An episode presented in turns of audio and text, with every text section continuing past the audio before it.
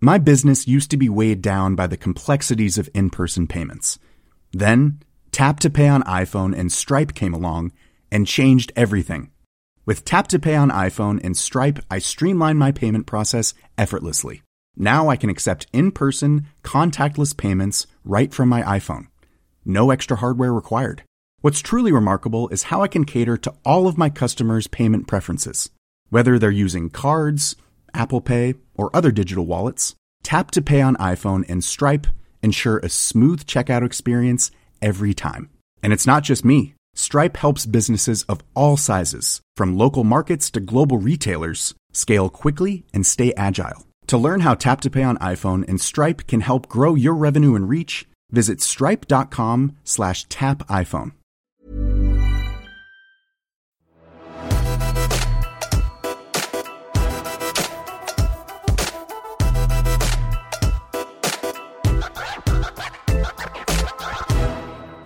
Jeg syns det er utrolig kult at du og jeg kan snakke sammen om hva som helst og når som helst og med hvem som helst på Clubhouse, selv om hvem som helst er redusert da ned til noen ytterst få, altså de få da som har en iPhone eller en iPad og som har blitt invitert, som tilfellet er f.eks. For, for vår egen distrikts- og digitaliseringsminister Linda Hofstad Helleland, som joina Clubhouse 9.2, og som har per dags dato ca. 1300 følgere.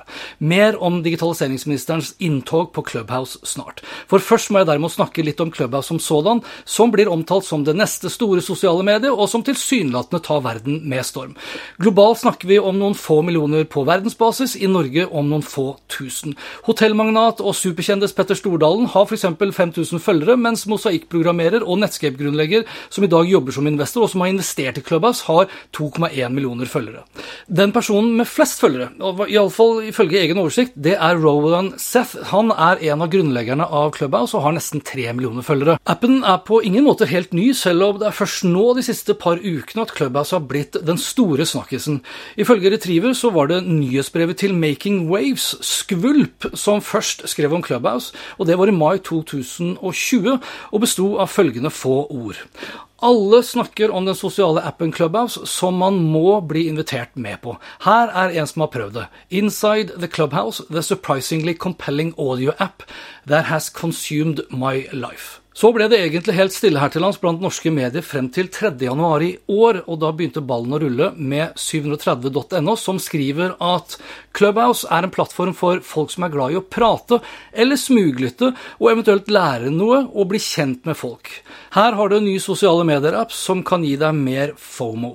Så eksploderer det nærmest. Spesielt etter at Elon Musk plutselig dukker opp i et Clubhouse-rom, og resten er på mange måter historie. Personlig ble jeg medlem 17.1 etter å ha blitt invitert av Astrid Valen Utvik, og jeg snakket for første gang om Clubhouse noen uker senere, 3.2, hvor jeg lurte på om dette var et lineært pandemifenomen fordi vi sitter i husarrest.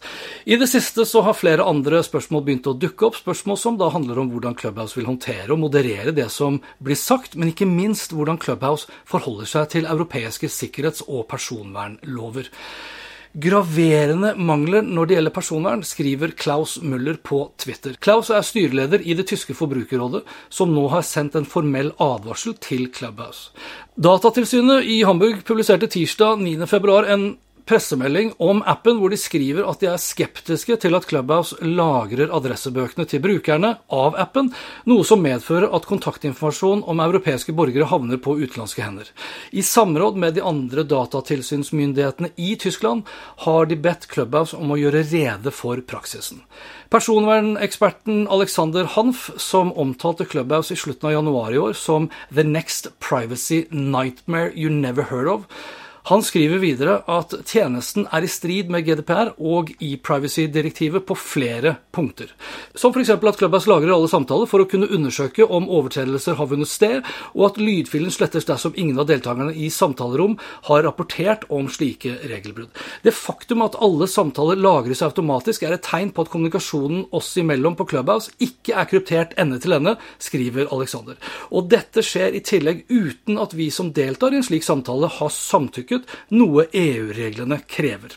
Et slikt samtykke skal være spesifikt, informert og ikke en betingelse for å bruke tjenesten, og det er ikke tilfellet med Clubhouse, ifølge Hanf. Med brudd på såpass grunnleggende regler i europeisk personvernlovgivning dreier det seg åpenbart om en gjeng med klovner, skriver han videre. Altså, Det er viktig at du og jeg er klar over det her.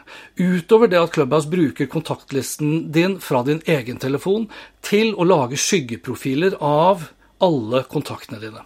Umiddelbart oppleves det som en fin tjeneste, for det gjør det jo enklere for deg og meg å enkelt invitere nye brukere til Clubhouse. Men er du en journalist eller en politiker f.eks., så kan det jo tenkes at du har kontakter som du ikke bør dele med omverdenen, eller da med Clubhouse. Konfrergründer Ida Aalen sier til Kampanje 11.2 at Clubhouse manipulerer brukerne sine til å gi fra seg mer informasjon enn de bør.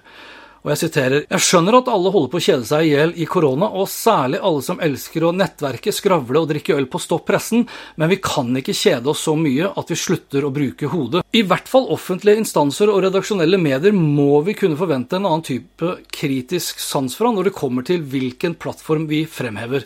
Jeg syns ikke Clubhouse har demonstrert at det er vår tillit verdig. Ida sikter bl.a. til distrikts- og digitaliseringsminister Linda Hofstad Helleland, som 10.2 inviterte til et åpent møte om datadrevet økonomi og innovasjon på den svært altså eksklusive og lukkede plattformen Clubhouse. Et møte som jeg også deltok på, og et møte som digitaliseringsministeren har fått mye kritikk for i etterkant. Advokat Jon Wessel Aas skriver på Twitter at han ikke er overbevist om at og jeg siterer, regjeringen ved å invitere til offentlig debatt på en lukket, privateid plattform som så godt som ingen borgere har tilgang til, legger forholdene til rette for en åpen og opplyst offentlig samtale som Grunnlovens paragraf 100 foreskriver. Jeg er ingen grunnlovsekspert, så det skal ikke jeg mene noe om, selv om det må nevnes at Clubhouse langt fra er den eneste plattformen Linda Hofstad Helleland har brukt for å få innspill til en stortingsmelding om nettopp datadrevet økonomi og innovasjon. Det jeg derimot reagerte på, og ble overrasket over, var svaret jeg fikk da jeg lurte på, og jeg spurte henne på Clubhouse, om hun hadde sjekket opp om Clubhouse er en plattform som forholder seg og holder seg inne med EUs regler om nettopp personvern og sikkerhet. Og hva hun tenker om at samtalene våre blir tatt opp av klubba, så kanskje delt med diktaturet i Kina. Og da svarte Linda meg, og de øvrige som deltok i Clubhouse-rommet, at hun ikke fryktet noe som helst, fordi verken hun eller andre fra regjeringen hadde sagt noe på Clubhouse som ikke tålte å bli sitert på. Litt sånn ingenting å skjule, ingenting å frykte. Jeg spurte henne derimot eksplisitt om infrastrukturen, ikke om selve innholdet i samtalen vi hadde. Og svaret kan jo skyldes at hun ikke hadde tenkt så veldig mye på det, eller at hun ikke forsto spørsmålet mitt, men jeg mistenker dessverre det første. Og jeg var heller ikke den eneste i rommet som ble overrasket over det svaret vi fikk fra digitaliseringsministeren. Og i samtale med Dagens Næringsliv kort tid etterpå så svarte hun litt annerledes, men muligens enda svakere at, og jeg siterer, alle slike apper skal følge europeisk lovgivning og GDPR.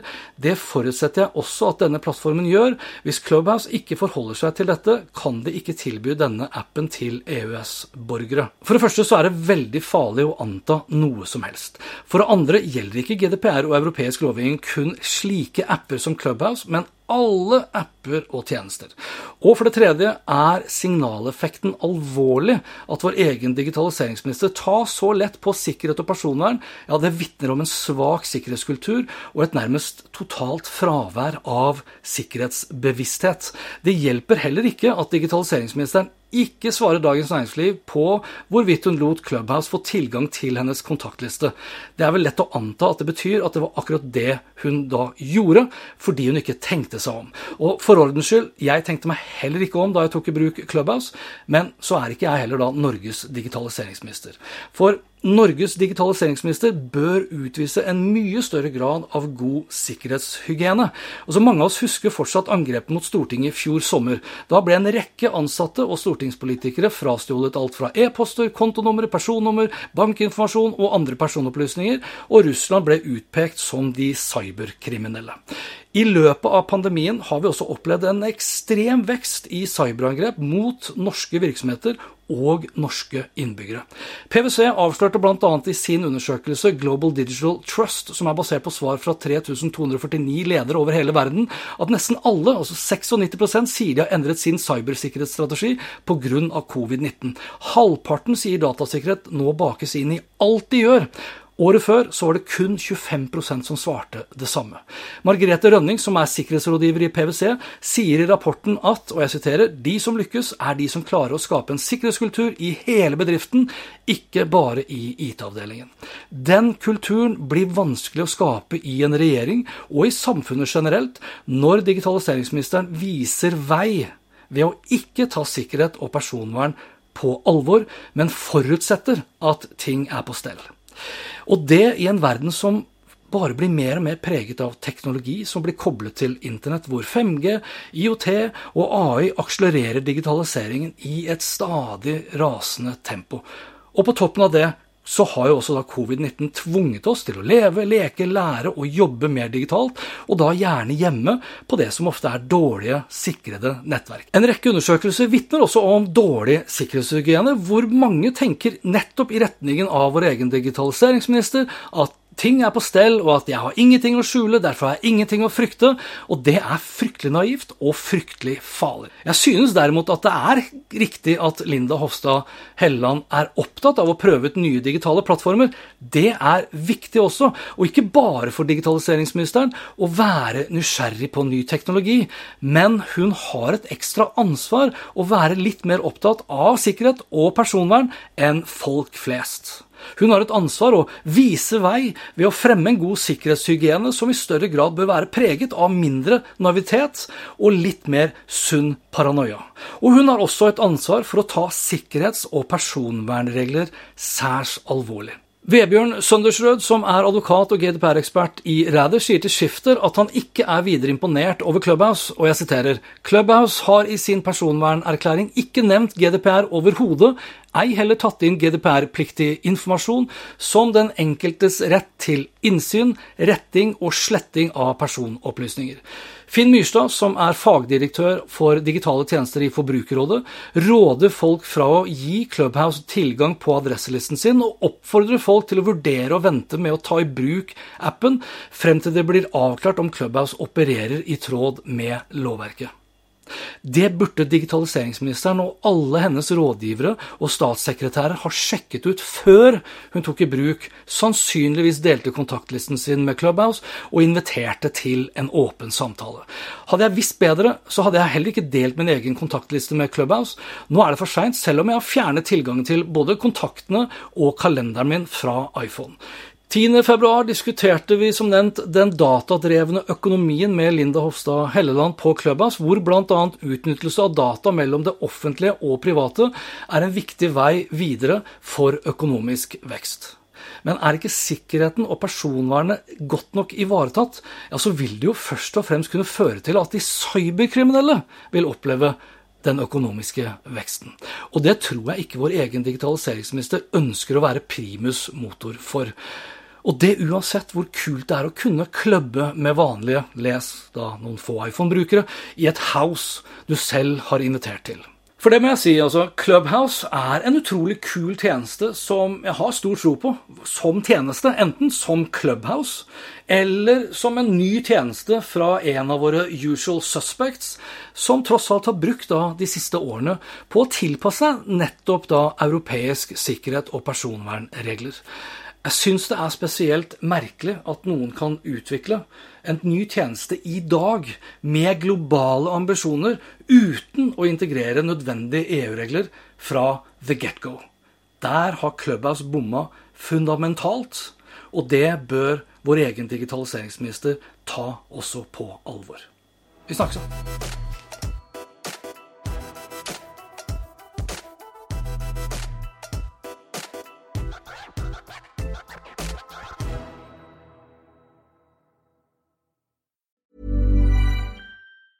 Planning for your next trip?